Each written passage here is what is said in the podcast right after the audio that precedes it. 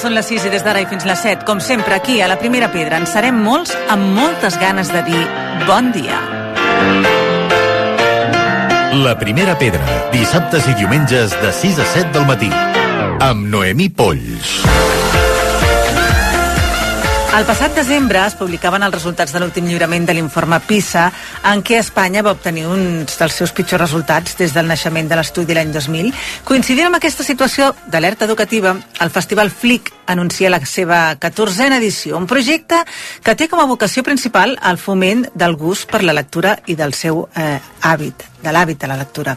La Magalí Oms és la directora del Tantàgora i del Festival FLIC. Magalí, benvinguda.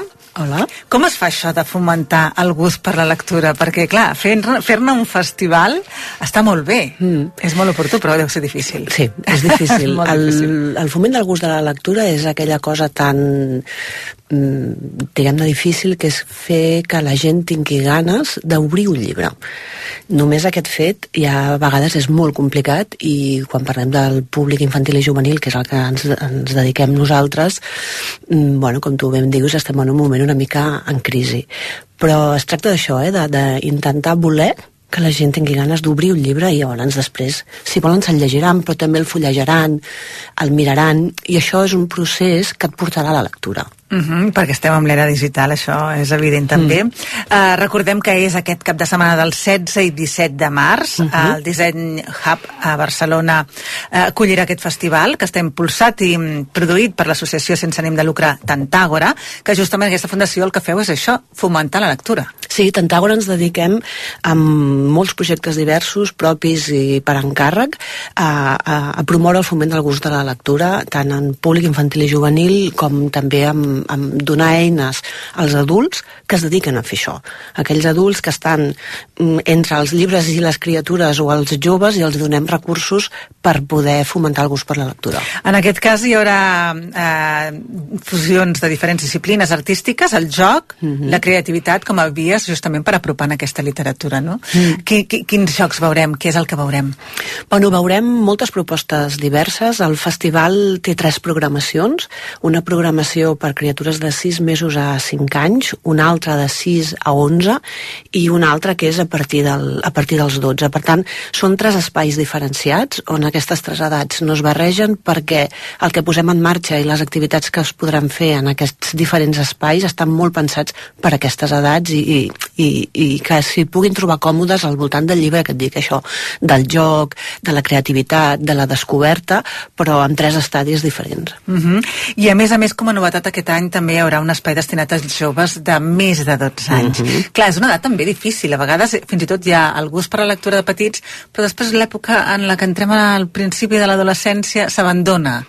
Uh, què heu pensat per aquest espai? Aquest espai, mira, serà un lloc on ells puguin estar-hi sense ni els germans petits ni sense els adults. Per tant, un espai que ells puguin campar hi ha diferents propostes.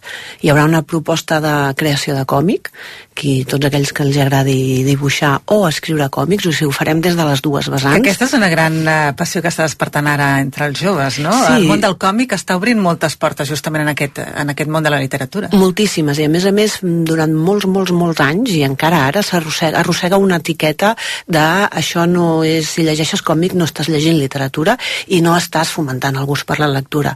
Mm, Com més gèneres els hi oferim, mm, cadascú més podrà trobar aquell gènere amb el qual mm, li agrada llegir. Llavors, si anem cap en gèneres, malament. I el còmic és un gènere que agrada sempre, no només agrada als, als joves, eh? vull dir que és un còmic, el còmic és un gènere que hi ha gent que només s'enganxa en aquest còmic, en aquest gènere, per tant... I que a vegades dura tota la vida, Tota no? la vida, tota la vida, igual que a qui li agrada la poesia, igual que li agrada la narrativa, igual que li agrada l'àlbum il·lustrat.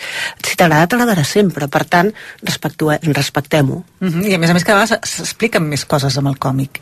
Mhm. -huh. uh, es fa servir més per, per arribar en aquest uh, grup d'edat. Hi haurà Miquel Desclot, Tina Vallès o Roser Ros, alguns dels escriptors i artistes convidats en aquesta edició, Mhm. -huh. que suposo que també tenir els artistes en allà, els escriptors, ajuda a fomentar aquest gust per la lectura. Els artistes els hem tingut en el flic familiar Uh -huh. O sigui, no els tindrem en el flic, eh, eh, en el flic escolar, perdona. No els tindrem en el flic familiar. Val. En el flic familiar el que tindrem són diferents espais on es podran descobrir l'obra d'autors catalans, tant il·lustradors com eh, escriptors. I físicament hem decidit portar-los en el marc escolar perquè creiem que aquí és on podem treballar i hem de treballar amb més profunditat.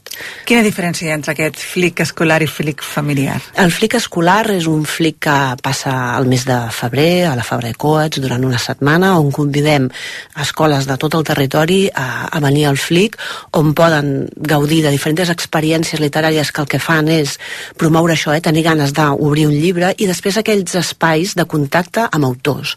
On hem demanat a tots aquests seguit d'autors que anomenaves els hem demanat que s'inventin jocs perquè que juguin amb els seus propis llibres, perquè així és una manera de conèixer aquests llibres i després, sortint del flic, aquests nens segur que tindran ganes de conèixer els llibres, de llegir-los, ja sigui perquè han tingut un bon feeling amb l'autor o perquè el joc que els hi han proposat han trobat que era interessant i volien saber d'on sortia. Uh -huh. uh, ara parlàvem d'aquest espai a partir dels 12, però hi han diferents espais. L'espai 5, orientat als més petits de la casa, el 6, l'11... Uh -huh. Explica'ns una mica aquesta distribució. Sí. En els més petits de tots, eh, nosaltres el que proposem és joc simbòlic a partir del llibre o sigui, això que els, les criatures petites ja saben fer, porten en el seu ADN, el que nosaltres fem és posar-hi el llibre com un element més de, de joc i després hi haurà un espai on amb la Inge Nous, que és una artista, podran fer processos de creació a partir de llibres i després hi haurà un espectacle per acabar, un espectacle que posa en marxa tot aquest seguit de... es diu Picaplat, eh, són una vintena d'autors catalans que posem en marxa totes aquelles cançons, cantarelles, poesies per la primera infància, el que s'anomena les primeres literatures, que són aquelles que entren per les orelles. Uh -huh. I a part d'això, també hi ha els Premis Flic, uh -huh. que això seria la cirereta ja. En què consisteixen aquests premis? A qui se'ls hi dona?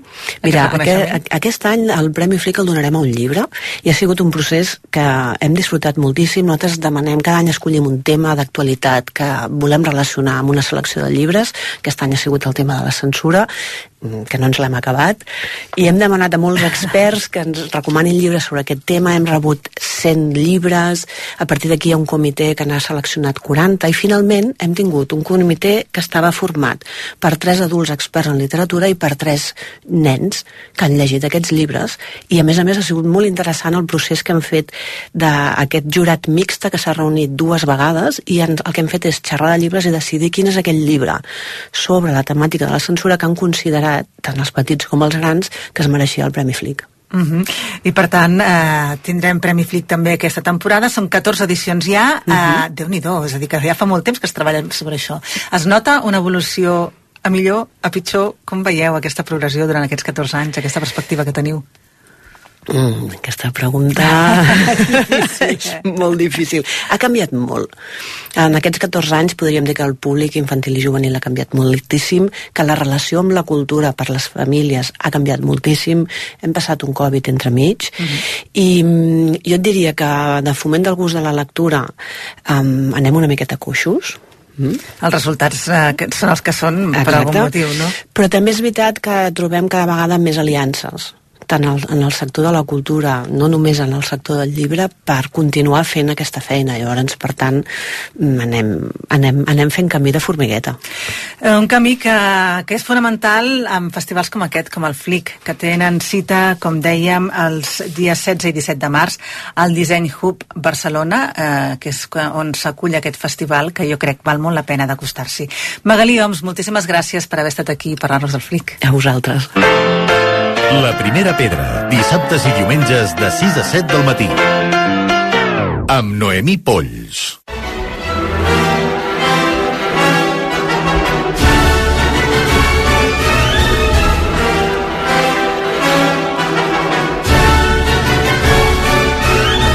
Marc Balcells, anem a l'òpera. Noemi Polls, anem a l'òpera, però hi bon anem... Dia, bon dia, bueno, bon dia, bon exacte. Dia, sí, bon dit. dia, bon dia, tal i qual, fa fred, fa sí, calor, és, do, és molt d'hora, ja no sabem on estem, però sí, estem a rac Home, i a més tu sempre estàs enèrgica aquesta hora del dia.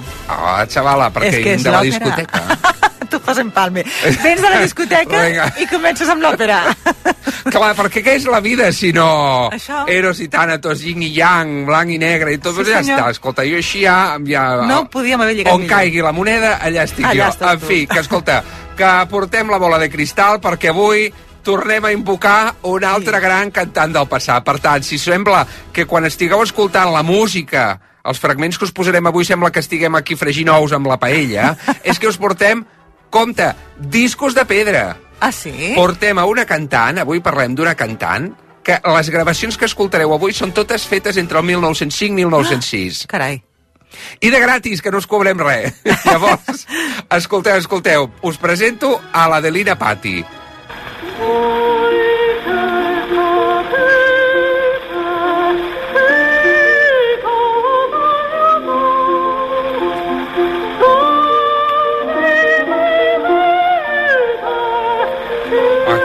la Patti cantant Le Nozze di Figaro, ni tan mal, escolta, pues no, no que no es queixin, No, que no. s'escolta molt bé, Sí, sí, eh? déu nhi Comença una mica així, després dius, ah, no, doncs sí, sí, sí que Millora. Després millora. Progressa adequadamente. És que no estem acostumats ja a sentir aquest... cric, cric, cric. Ja, però aquí És estem maco, és fent maco. arqueologia Oh, amb i tant. aquestes anècdotes. Escolta, sí, sí. aquesta senyora despertava passions que us he d'explicar una història Ah, sí? terrorífica, terrorífica, terrorífica, veure, que ara la situo aquí, una altra la situo allà. Aquesta senyora, quan anava a un lloc a cantar, a part de que, bueno, la cosa es paralitzava i tothom la volia escoltar, una vegada, abans de que comencés la funció, una pobra dona es va quedar allà pajarita. Per què? Bueno, pues de- de- d'edat, del que fos, dels nervis, de, de tal. I escolta, clar, pues, pues allò típic de que hi ha algun mèdic en la sala i tal i qual. Saps què van fer? Què? Perquè no esperés l'actuació ni res de res, deixar-la en una ballotja allà amagada, la pobra, que deuria semblar al Puccinelli, Ah, i van dir, escolta, no, que tiri que tiri que hem vingut a cantar aquesta, no diguem res,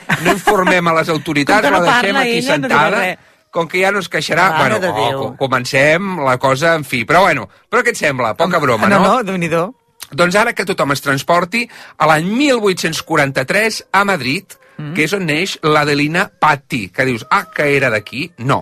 Els pares són cantants italians, tots dos d'òpera, que passen molt de temps a Madrid. Poca broma. La mare, una tal Caterina Barilli, era tan, tan soprano tot terreno que va cantar la nit abans de donar llum. déu nhi Bueno, t'hauria semblar que anava... Bueno, espero que fes algun rol, no sé de què hauria ser de dona embarassada, però bueno, en fi, mira si té caràcter que quan el públic no l'escolta, perquè no oblidem que això de que s'abaixin les llums i estiguem tots en silenci és una exigència de Wagner, abans a l'òpera era hi-hi ha-ha, La eh? gent entrava, Anar a sortia, xerrar, menjaven. entre surts, xerres i tal i qual. Escolta, quan ella cantava i no l'escoltava, fotia unes bronques que tothom es quedava fred. I la tia, quan tiraven flors als cantants, ella les intentava agafar com si fos un, un jugador de bàsquet i se les quedava ella. I ja li podien estar Lleig, tirant eh, una altra... això. Ca... Bueno, Lleig. en fi, Caterina Barilli. El pare, Salvatore Patti, mm. quin problema té a la vida? Que li van oferir dirigir una companyia a New York City. Mm. i cantaven sovint i llavors, doncs, escolta, doncs eh, li van oferir dirigir una companyia. L'home va dir que eren, es feien les coses molt diferents que en quant a òpera que a Europa, entre altres coses perquè no li agradava gens que el públic anés amb pistoles coses Home, jo ho entenc, eh? coses de la... De l'època. Com ho diríem, això, de la segunda enmienda de la Constitució. Bueno, en fi, aquest projecte d'anar a Nova York deixa la família tocada i el que ens importa a nosaltres és que l'Adelina Patti és una nena prodigi, que clar, com que escolta els pares cantar des de petita òpera, doncs ella una altra cantaria baixant de la Font del Gat i ella va cantant àries com aquesta que escoltareu ara.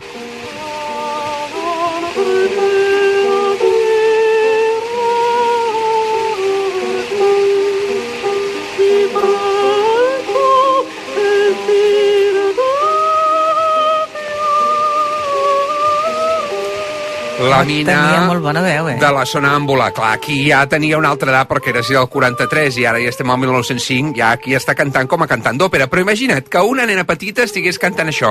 Diuen que els cantants de la companyia, perquè els pares tenien una trup de cantants, que era com es feien les coses abans, i anaven de lloc en lloc fent les òperes de repertori que ells tenien, amb el seu vestuari, amb les seves escenografies, etc. Deia, escolta, els cantants de la companyia ploraven quan De la sentien cantar. Veus? Però deien, però aquesta nena està cantant l'ària final de la sonàmbula, doncs la nena ho feia i clar, de, escolta, no se sap si de l'emoció, si de l'enveja, si queda què, però el tema és que cantaven. I després hi ha una altra cosa molt graciosa. A Norma, que la Norma té dos nens, doncs clar, la, la mare deia ja tinc una dels dos, ja la meva ja em farà d'extra, ja em farà de nens. Doncs escolta, la tia, la Pati, el que feia era, clar, que ja de petita sabia cantar durant la funció, quan li tocava estar en escena, es posava a cantar Molt àries de norma i clar, la mare al final bueno, Eh, clar, va deia, fotre no, ara pam no al cul tu. perquè va dir que aquesta nena, a més, aquí està cantant la nena amb la mare i això no pot ser. Escoltem-la cantar una mica de norma.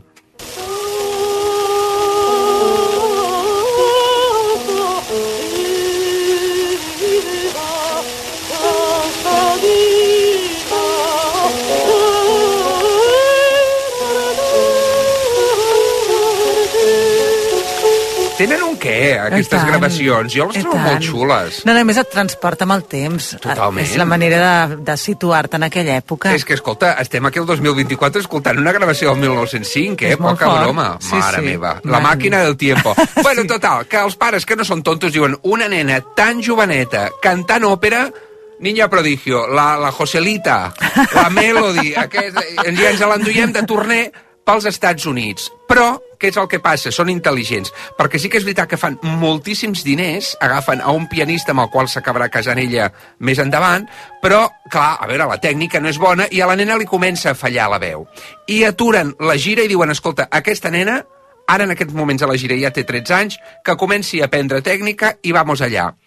I va i s'hi aprèn. Als 16 anys, han passat només 3 anys, debuta amb Lucia di Lammermoor, poca broma, sí. la, de, la dels escocesos, que ella es torna boja, t'ha de dir. L'escena de la bogeria és tal èxit que clar, aquí comencen a entrar els diners a Espuerta, tothom la vol anar a veure, i li comencen a caure contractes i rols que en el seu primer any de carrera, poca broma, li cauen 10 debuts. Caram. 10. Que això no t'ho fa cap soprano avui en dia perquè diuen que quina bogeria forçat a la veu.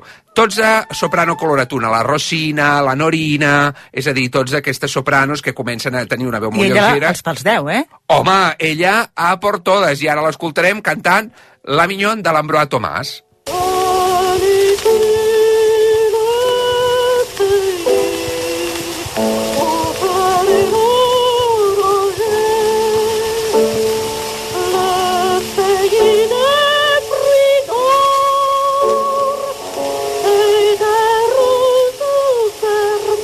Nosaltres ens havíem quedat a Nova York, on ha tingut aquest èxit brutal amb la Lucia di Lammermoor. D'allà salta a Londres. Sembla que al públic no li acaba d'agradar que sigui tan joveneta, tan baixeta. No ens oblidem, està tenint ara 16-17 anys, eh? Clar.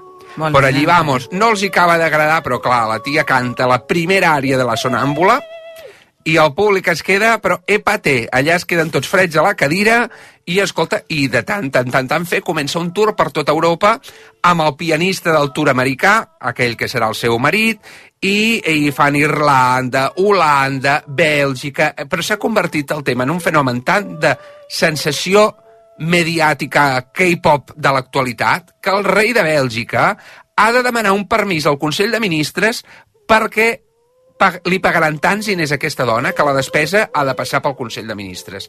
Però és que el rei de Bèlgica està, però turulato amb ella. A París canta Rosina, aquest és un tema que em xifla, canta Rosina, del Barbero de Sevilla, davant de Rossini. No estem a l'òpera, estem en un saló i li està cantant davant d'ell.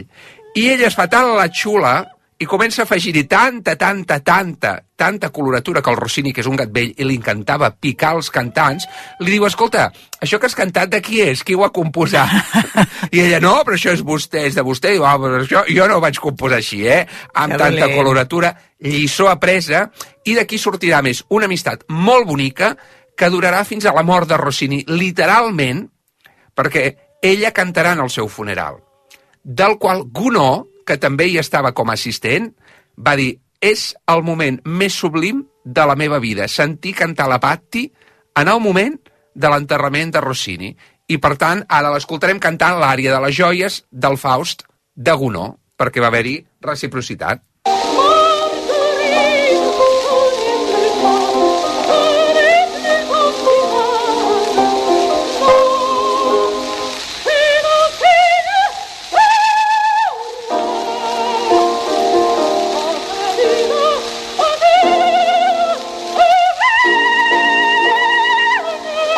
Ara, escolta't així, podries dir, bueno... Uh... Home, però no hi havia tecnologia, no, no, llavors... i a més ah. una altra cosa. Què? Clar, nosaltres ara demanem als cantants un cant naturalista. Això és la gran revolució que fa Maria Calas, eh? És a dir, si la Lutxer de l'Amer s'ha de tornar boja, ella crida, ella es torna boja, etc. En aquella època estava cantant això com un robotet que fa notes perquè era el que s'esperava al públic. Aquesta imatge que tenim quan veiem alguna pel·lícula que surt òpera antiga, que, que els cantants miren sempre cap al públic, i sempre miren, i sempre somriuen, i sí. quan acaben fan allò de... "Xt, Sí. que ho he fet, no segueixen en personatge, perquè la idea del personatge ni està ni se l'espera fins que no hagi arribat aquí la Cales. Així que vamos, en fi. Una última anècdota. El zar de Rússia li permet a la Pati que li digui papaito.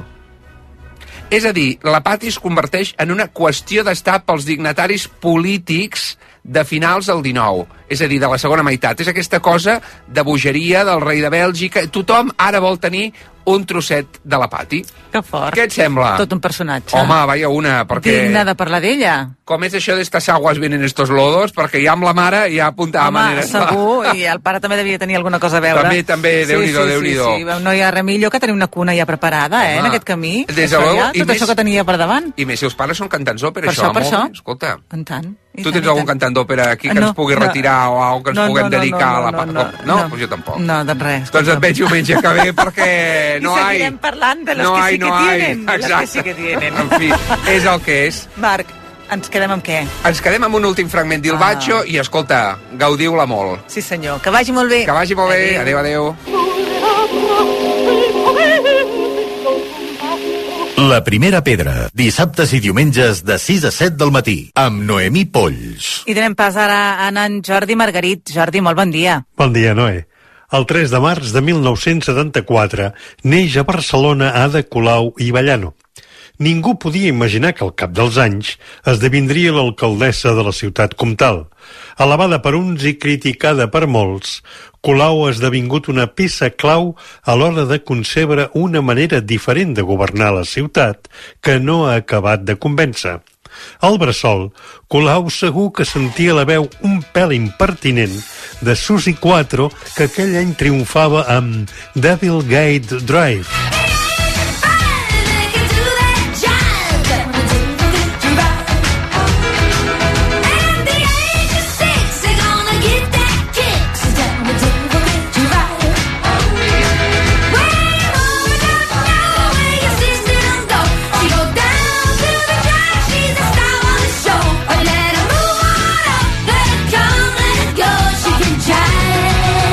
Belluguet de dona, aquesta Susi, que ens duia fins al portal del diable.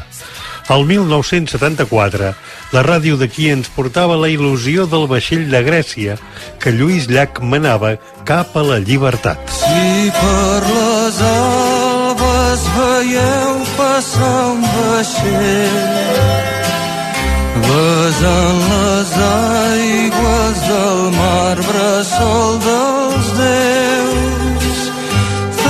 feu-li senyal que pugui veure un sol i navegar nosaltres cap al nord. La cançó ens parlava de la revolta dels capitans grecs i formava part del disc I si canto trist, el tema principal del qual estava dedicat a Salvador Puigantic.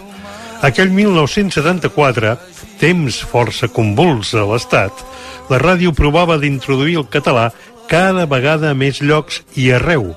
Encara eren temptatives tan arriscades com agraïdes, com aquest a Correcuita de Ràdio Terrassa, on endevinem les veus d'un jove Josep Cuní i de Lídia Segués. A corre cuita. Uns minuts per l'opinió, El comentari. la crítica. Sempre amb l'amable companyia de... Paulina Pi de la Serra, que els parla A corre cuita. Espais culturals sempre amb la col·laboració de personalitats de la literatura de casa nostra, que maldaven per poder expressar el seu treball i que la ràdio ajudava a poder-ho fer. Infla les veles que anem al mateix port. La primera pedra.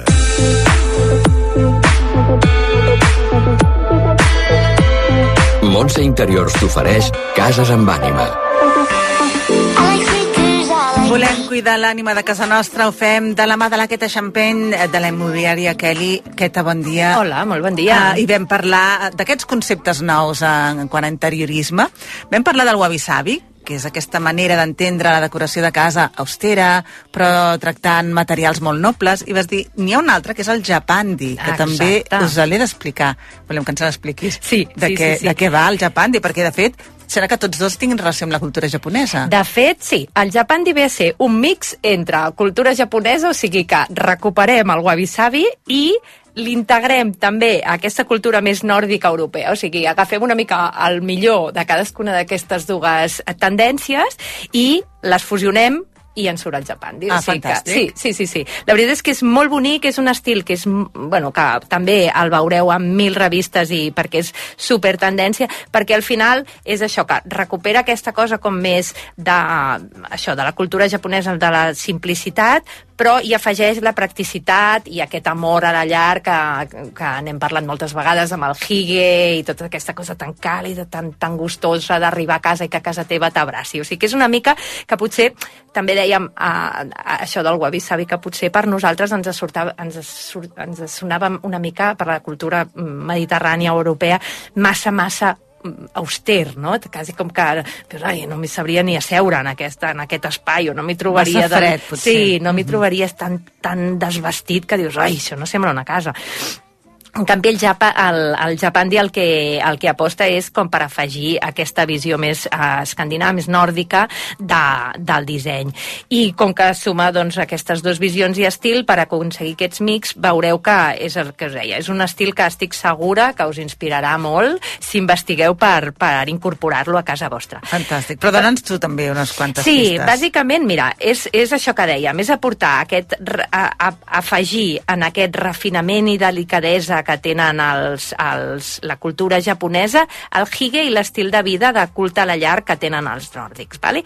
I com deies, anem a fer-ho pràctic, anem a veure com ho podem fer realitat a la nostra llar. Eh, bàsicament, jo començaria per això, per natural, ai, ma, materials naturals eh, i, i molt nobles. Són fustes molt clares, sense tractar, ceràmica, pedra rugosa, saps? Si podem escollir entre eh, algú lacat o brillant i mat, doncs segur que serà mat, com efecte mm, eh, velvet, com es diu això? Eh, de vellut. de vellut, exacte, i, i, i tons, doncs això, no? Suaus, eh, Més baixos, més no, tan, no tan cridaners. Sí, exacte. Però eh, ens podem atrevir amb un malva, amb un blau, això, no? Ens imaginem aquests colors de, del vellut, no? Doncs amb aquests colors també hi poden entrar, així com amb el wabi-sabi això no hi entraria de cap manera. Val? Plantes, que ens aportin, plantes verdes, que ens aportin frescor a l'ambient, però sense generar selves, perquè estem en el minimalisme, saps? Vull dir que Clar. són, no, no hi veurem flors o coses molt, molt ampuloses, molt, molt exuberants, sinó doncs, aquestes plantes que també veiem en mil revistes ara, no? aquests punts verds que, que en un espai, doncs això, més aviat eh, despullat, et donen un ambient, eh, donen com un toc molt verd i molt de protagonisme. No? La gamma de colors, com dèiem, és molt suau, neutra, protagonitzada per aquests tons relaxants, però com, com apuntàvem, doncs ens podem atrevir amb aquests colors més roses, més el, el peach fast, que parlàvem l'altre dia, aquest color de eh, tot això doncs, eh, hi pot tenir molta presència. I a l'hora de delimitar espais, eh, ja- per generar fluidesa, pensem que com que venim d'aquesta també eh, amb aquesta arrel de cultura oriental, el Feng Shui eh, també hi té molta, molta visió, aleshores eh, el Feng Shui recordem que, és, que sempre busca eh, com que, que els canals d'energia que flueixen per la llar doncs, ho facin d'una manera harmònica. Doncs això ens ajudarà, per exemple, amb, creant divisions eh, potser efímeres, amb biombos, saps? Eh, posant així per delimitar espais o estanteries que ens deixin passar una mica de llum, una mica del so, però que també ens mantinguin un espai més, més acotat, no? eh, generant els espais eh, d'aquesta manera. I per acabar, llum artificial, a a, durant el dia doncs, intentarem que la llum entri al màxim. Pensem que els nòrdics no tenen cortines directament, o És sigui veritat. que això ens passa quan viatgem no? als països. Eh? Estàs buscant com tancar per la intimitat i Jo- allà... Sí, exacte. No, jo vaig visitar Amsterdam no fa gaire i és que no, se te'n van els ulls Sí, a les sí, cases sí, de la vagi, No perquè és que tenen les finestres obertes, no?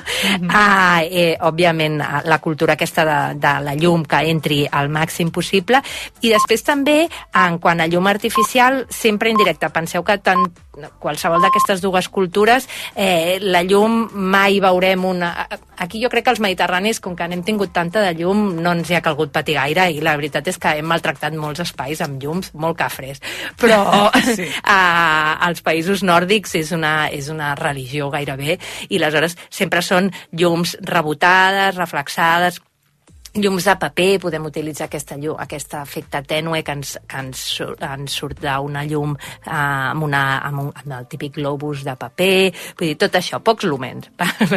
Sí, sí, no és sí, gaire apte discret. per la, per la vista cansada. Ah, Exacte. Però ens quedarà molt bé la foto.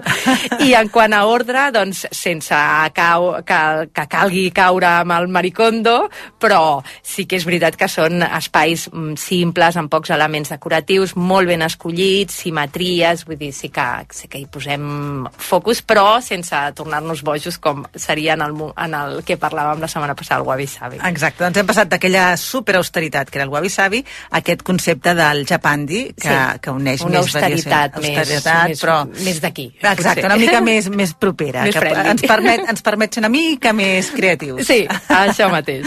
doncs, Queta, com sempre, un plaer, moltíssimes gràcies. Gràcies a vosaltres, bon dia. La primera pedra. Dissabtes i diumenges amb Noemí Polls.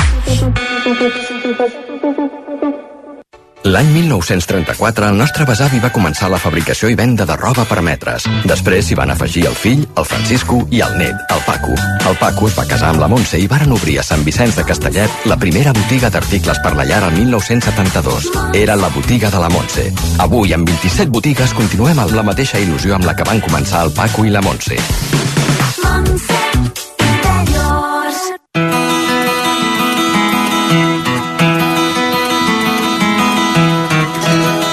La seva família és de Gàmbia, viu a Mataró, està triomfant a les xarxes socials imitant situacions com aquesta.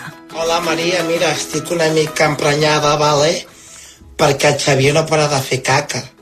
No es troba molt bé, vale? Perquè ahir al menjador li van donar melimató, vale? I jo crec que la mel estava caducada. Llavors, si no voleu problemes amb nosaltres, vale?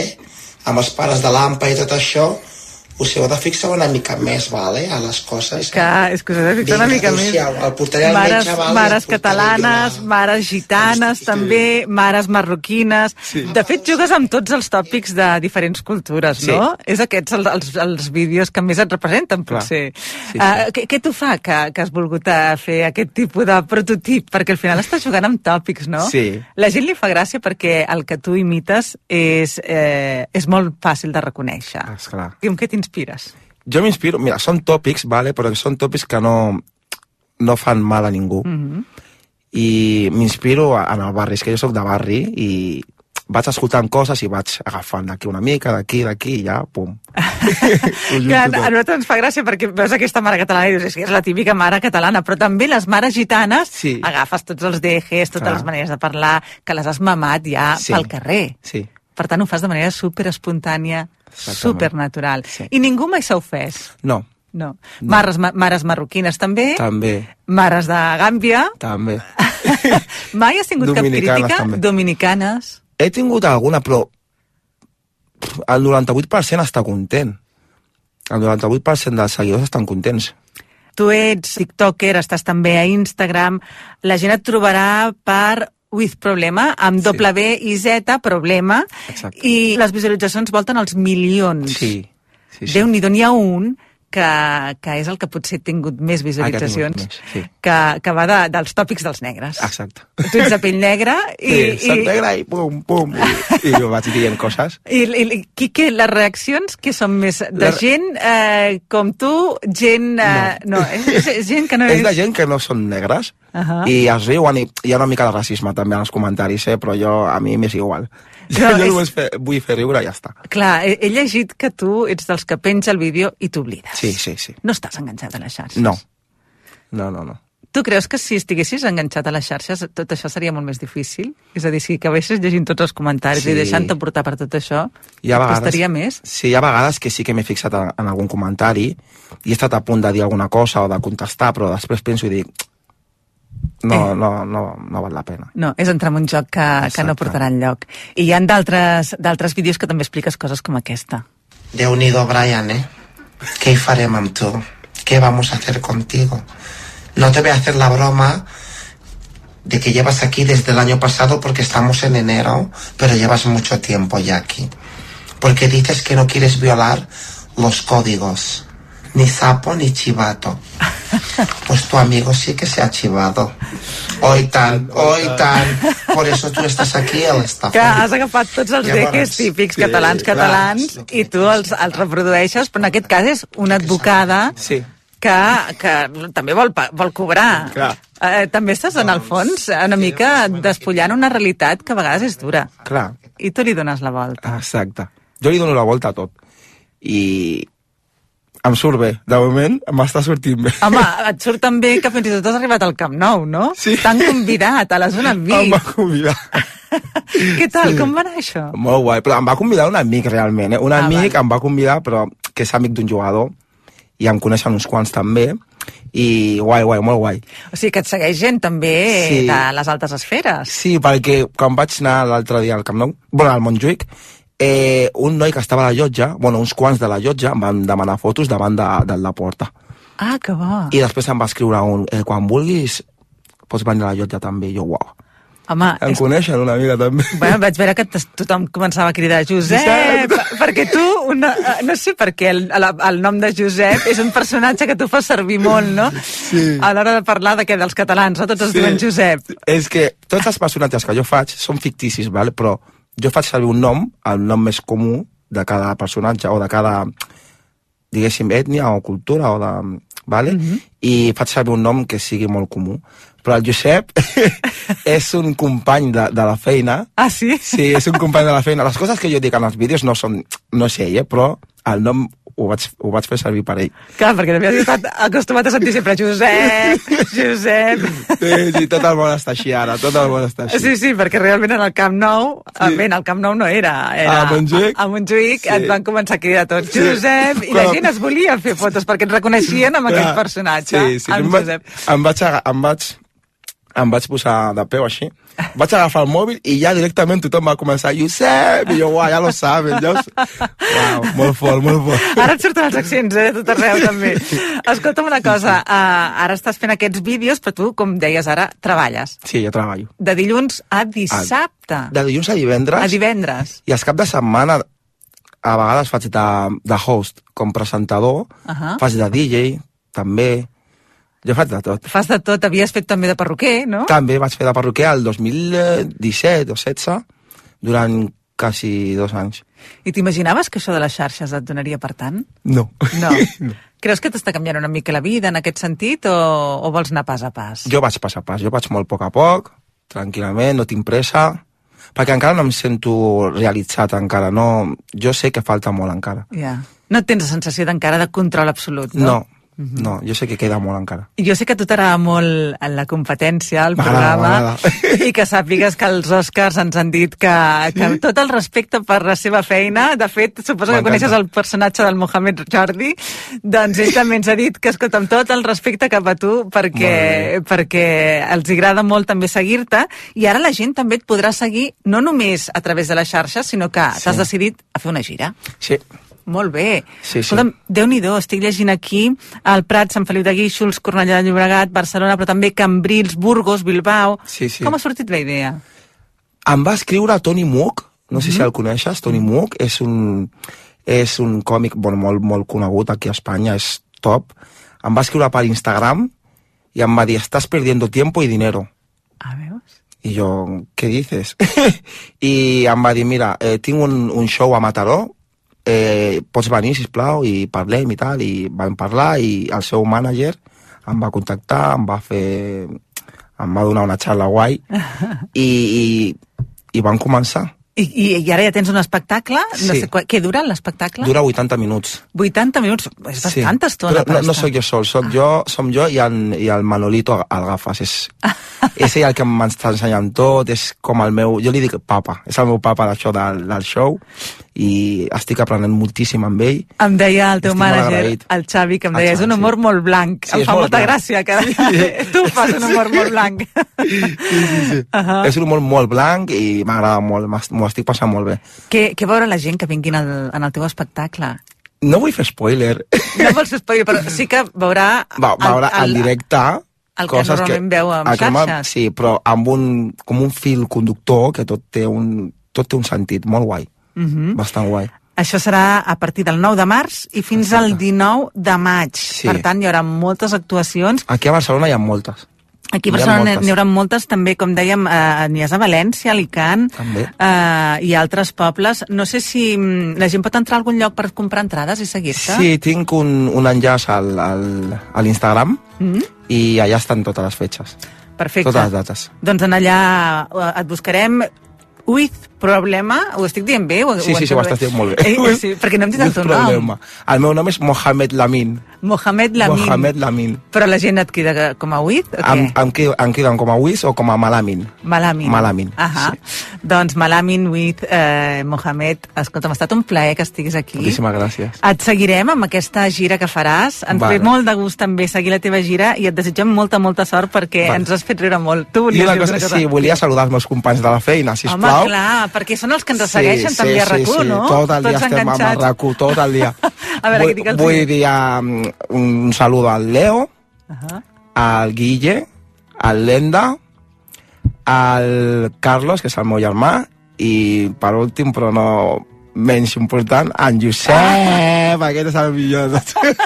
Això t'anava a dir, Ja- deixa'm Ai, m'he deixat tu, m'he deixat tu, el Pau, que és el meu, és l'encarregat, és el Pau, el millor de tots, el Ferran, que està de baixa ara, i el Jordi. Escolta'm, no hem dit ja l'empresa, no hem dit la... L'empresa es diu Marea, són rellotges molt guais, Ahà. molt assequibles per tothom. Ah, molt bé, Marea, eh? Marea. Doncs des d'aquí també una abraçada als, Sí, sí, sí. A, a tots els treballadors de Marea. A tots, a tots, a tots, a tots. Exacte, A que tothom. teniu un molt bon ambaixador aquí a, Sí, sí, avui sí. a RAC1. Doncs moltíssimes gràcies, de veritat et seguirem i estarem pendents de tot el que fas. Ui, Moltíssimes problema, una abraçada, que vagi bé. Igualment. La primera pedra arroba racu.cat.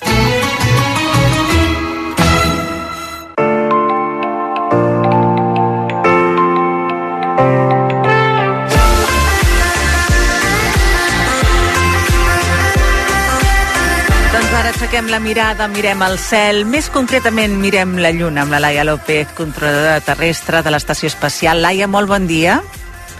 Hola, molt bon dia. Dèiem que avui mirem la Lluna perquè, escolta'm, ja vam parlar d'aquesta missió cap a la Lluna que havia d'aterrar, que no sabíem què passaria. Situa'ns una mica perquè al final sembla que sí, van aterrar. Ho vam, ho vam preveure bé, eh? Exacte, uh, parlàvem d'això de que el 15 de febrer uh, SpaceX amb el coet Falcon 9 enlairava aquesta missió d'Intuitive Machines. Recordem que és un fet històric perquè és la primera empresa privada en allunar amb èxit a la superfície lunar i de fet ja havien hagut altres empreses com Astrobotic o l'empresa japonesa iSpace, iSpace que ho havien intentat i totes havien fracassat però vam parlar-ne i doncs han aconseguit allunar um, la setmana passada de fet. Sí senyor, van allunar, però escolta, em sembla que van allunar i, i, es van quedar de- decantats d'un costat. Això no sé si és eh, molt greu, si no, si no passa res. Què vol dir que van allunar eh, decantats a un costat?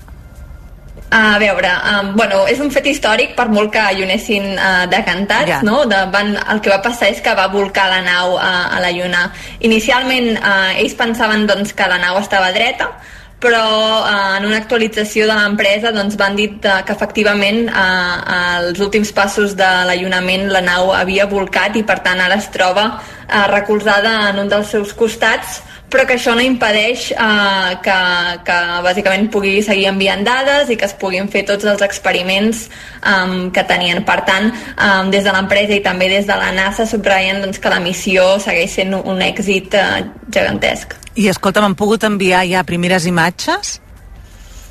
Um, exactament, de fet, uh, igual inclús les podríem compartir per les xarxes socials de la Primera Pedra. Tenim tres imatges fins ara. Una és de l'orbitador de reconeixement lunar, uh, que és bàsicament una sonda espacial que dona voltes a la Lluna, i a una altura de 90 quilòmetres ha aconseguit fer una foto d'aquesta zona on ha allunat uh, la missió aquesta d'Intuitive Machines, i a part uh, també tenim fotos pròpies del mòdul de descens, és a dir, fotos on es veuen la superfície lunar eh, quan s'estava preparant per allunar o inclús també fotos després eh, d'allunar.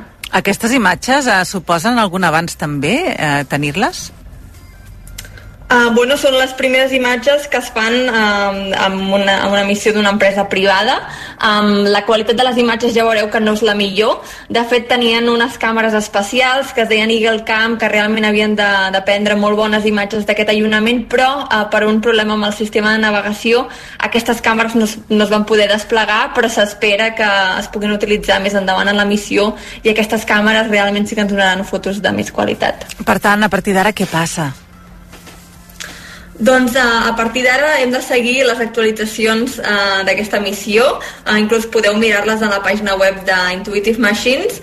Els controladors de vols diuen que continuen comunicant-se amb, amb Odisseu i que a partir d'ara doncs, començaran a fer els experiments i recordem que, que aquesta missió està en el pol sud de la Lluna, que és on creiem que hi ha aigua en estat sòlid, és a dir, gel, i que és un lloc molt, molt, molt bo perquè els humans en el futur, eh, si volem anar a la Lluna, eh, puguem establir-hi bases, no? perquè podem utilitzar aquest gel d'aigua per eh, obtenir oxigen, per respirar o inclús també com a combustible de coets. Per tant, ens interessa moltíssim explorar aquesta zona i preparar-la per les futures missions, eh, incloent la missió de la NASA de, de finals de 2026 de portar un altre cop eh, humans a la Lluna i en concret la primera dona en trepitjar la superfície lunar. Canvia alguna cosa el fet de que sigui iniciativa privada a que no ho fos? Doncs moltíssim, perquè bàsicament obre les portes a tota la indústria privada en començar a enviar missions a la Lluna. És a dir, l'espai realment eh, és un àmbit que, encara que sí que està una mica regulat, falta molt per regular-lo.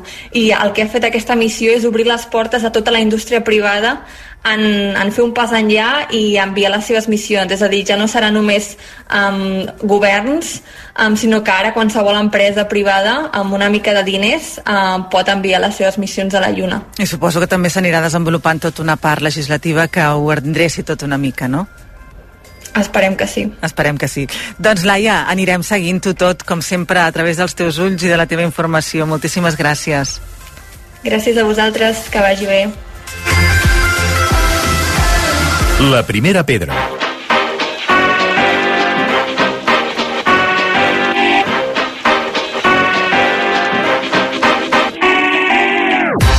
Uh, Joan Maria Moros, bon dia. Bon dia. He vingut amb ganes de riure perquè tu ahir em vas dir, riurem. Sí. I dic, va, doncs que avui riurem, que ja Tu te'n m'agrada. recordes? És que jo ho he estat buscant i, i no he trobat res enlloc, igual no ho he sabut buscar, eh? però quan érem petits Mm. feien, jo crec que era els divendres de la nit a Televisió Espanyola, feien una sèrie que es deia UFO, OVNIs. Et sona? No. No. És, a és que us ha dit que sí, no, es... no, UB, UB, em recordo de UB. No, no, no, però abans, abans, abans. Potser sí. A veure, el Dani diu que sí, que sí, Sí. que sí, que sí, que sí. D'acord, per, que tant, no, per tant no estic tan malament. Doncs... Eh... Què era, de què anava? Una que amb la pupila es convertia en coses? No, no, no, una no, no. Era una sèrie sobre investigacions per part d'una de, dels est- d'una agència dels Estats Units Ufo. que eh, investigava la possible eh, aparició de- d'ovnis que hi havia hagut eh, bàsicament allà. I aquesta sèrie em va recordar una mica eh, això. El que passa que eh, el punt de vista és absolutament diferent.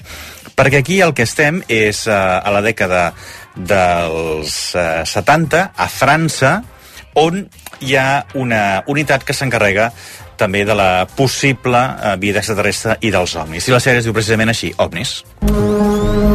Tous les indicateurs sont ouverts. Unité. Décollage confirmé. La trajectoire est nominale.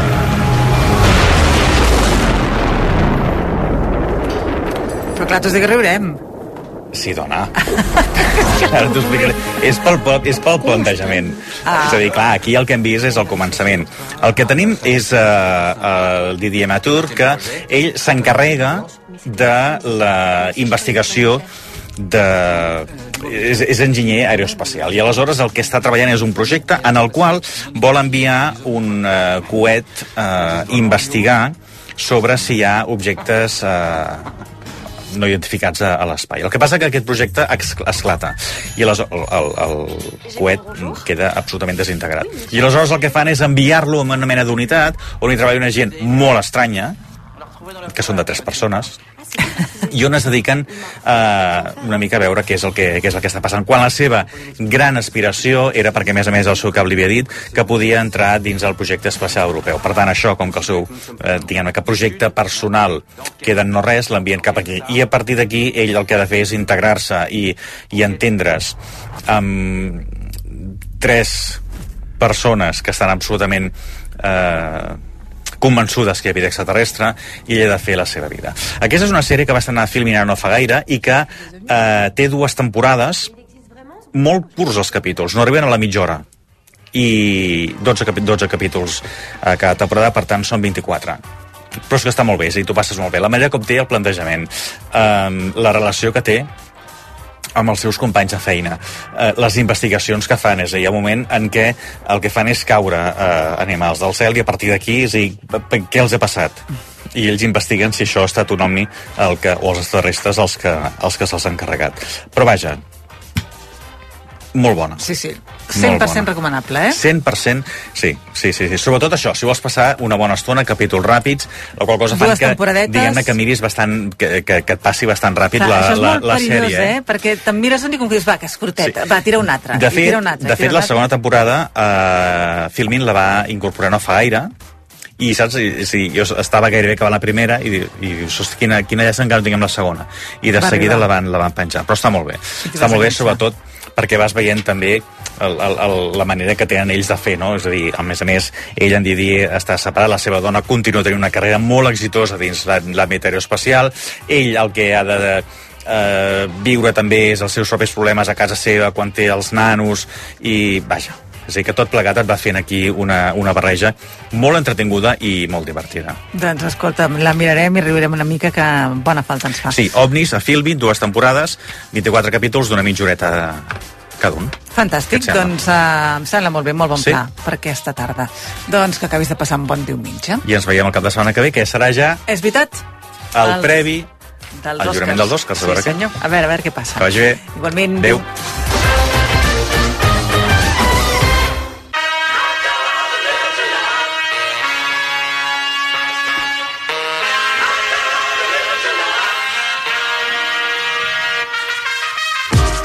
Isabel Vinaixa, bon, Bon dia, què Com- tal? Ah, Mira, Ai. Ai, que és personal. Et trepitjo? Eh? No, que queda molt malament, que mala educada. ho hem fet alhora, eh? És que això És que estem... Oi, quina meravella. Sí. Això no passa a tothom, eh? No, no, és molt Ah. difícil. Passa només amb tu. Veus? Que bé. Que és bonic. Que bonic. Escolta'm, i a més a més musiqueta bona. Ai, sí. Em fas molta gràcia quan dius musiqueta. Musiqueta, perquè Sí. és musiqueta... Petiteta? No, Ah. que m'agrada. Ah, t'agrada dir Tot el que és musiqueta. petiteta Sí. agrada més. Sí, tens tota la raó. Queda com Olivetes, patatetes... Carmelets. Carmelet, eh. musiqueta. Musiqueta. La teva bé. musiqueta. Doncs la musiqueta d'avui, tu em diràs què vols que descobrim primer. Uh, fem la que... La nova, no? La nova. La, la que t'han descobert. La que m'ha sorprès. Saps què passa? Que després la que, la que ja coneixies acaba sent allò un record per mi també que, I és bonica que acabar m'agrada així, que no? soni encara més. Tu manes. Doncs si és vinga, que tu va, ets la la, nova. la voz, la jefa. Ah, mira, m'agrada, la voz. La voz, t'agrada la voz? Sí. Ah, diré la voz. La voz, la voz. Té nom de, com de colònia, la voz. Bons que res La només. banda, la No m'enredo més. Vinga, Fem va, play amb música. la descobriment setmanal, sisplau. A veure.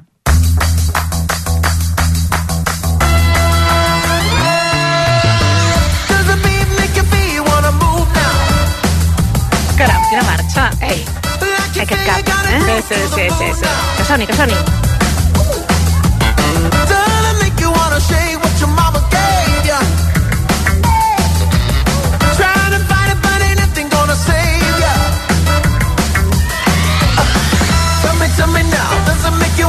Que bo, no vull, no, el- sí, no, no? És que no el vull tallar. No, no, és veritat. Ara potser m'he equivocat. Aquesta haguéssim hagut de deixar sonar al final. No, però perquè l'altra també serà Ho bona. has fet molt bé. Escolta'm, qui són aquests? És, és. és un artista que es diu John Mero. Eh, és un noi que es eh, caracteritza per la seva veu tan enèrgica, evidentment, per aquesta energia que té com... Sí, sí, que, sí, que, que t'enganxa en ritme, m'ha fet molta gràcia retrobar-me'l perquè ja l'havia escoltat feia temps amb un altre tema i l'altre dia Spotify me'l va, pum, me'l va posar. Dic, alerta, que torna, torna el meu amic Joan, Joan Mero, perdó. M'encanta aquest tema. Es diu Yes It Do i et dona un rotllo. I unes sí. ganes de llevar-te, que són, ja són hores, per favor, feu el favor de llevar-vos. Jo crec que qui ens estigui escoltant deu estar movent-se. Exacte. Sí, I, ma, sí, sí. I, bueno, doncs això és la recomanació de la setmana. Ai, que bé, doncs ens agrada molt. I, Perfecte. I ara tanquem amb el tema que ja coneixies. Sí, i una mica recordat. nostàlgic. Sí? Sí, jo crec que sí, eh? Molt nostàlgic. Pensa que ens n'anem a l'any 1989. Caram. Vinga, fem canvi, sisplau. Oh,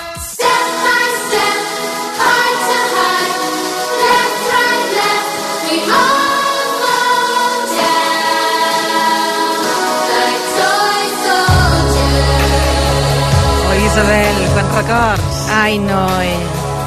Mirant Que enrere, maca, que és sí. maca aquesta cançó. És bonic mirar enrere i escoltar temes, Ai, sí. i un d'ells és aquest. Martica. Com us he dit, l'any 1989.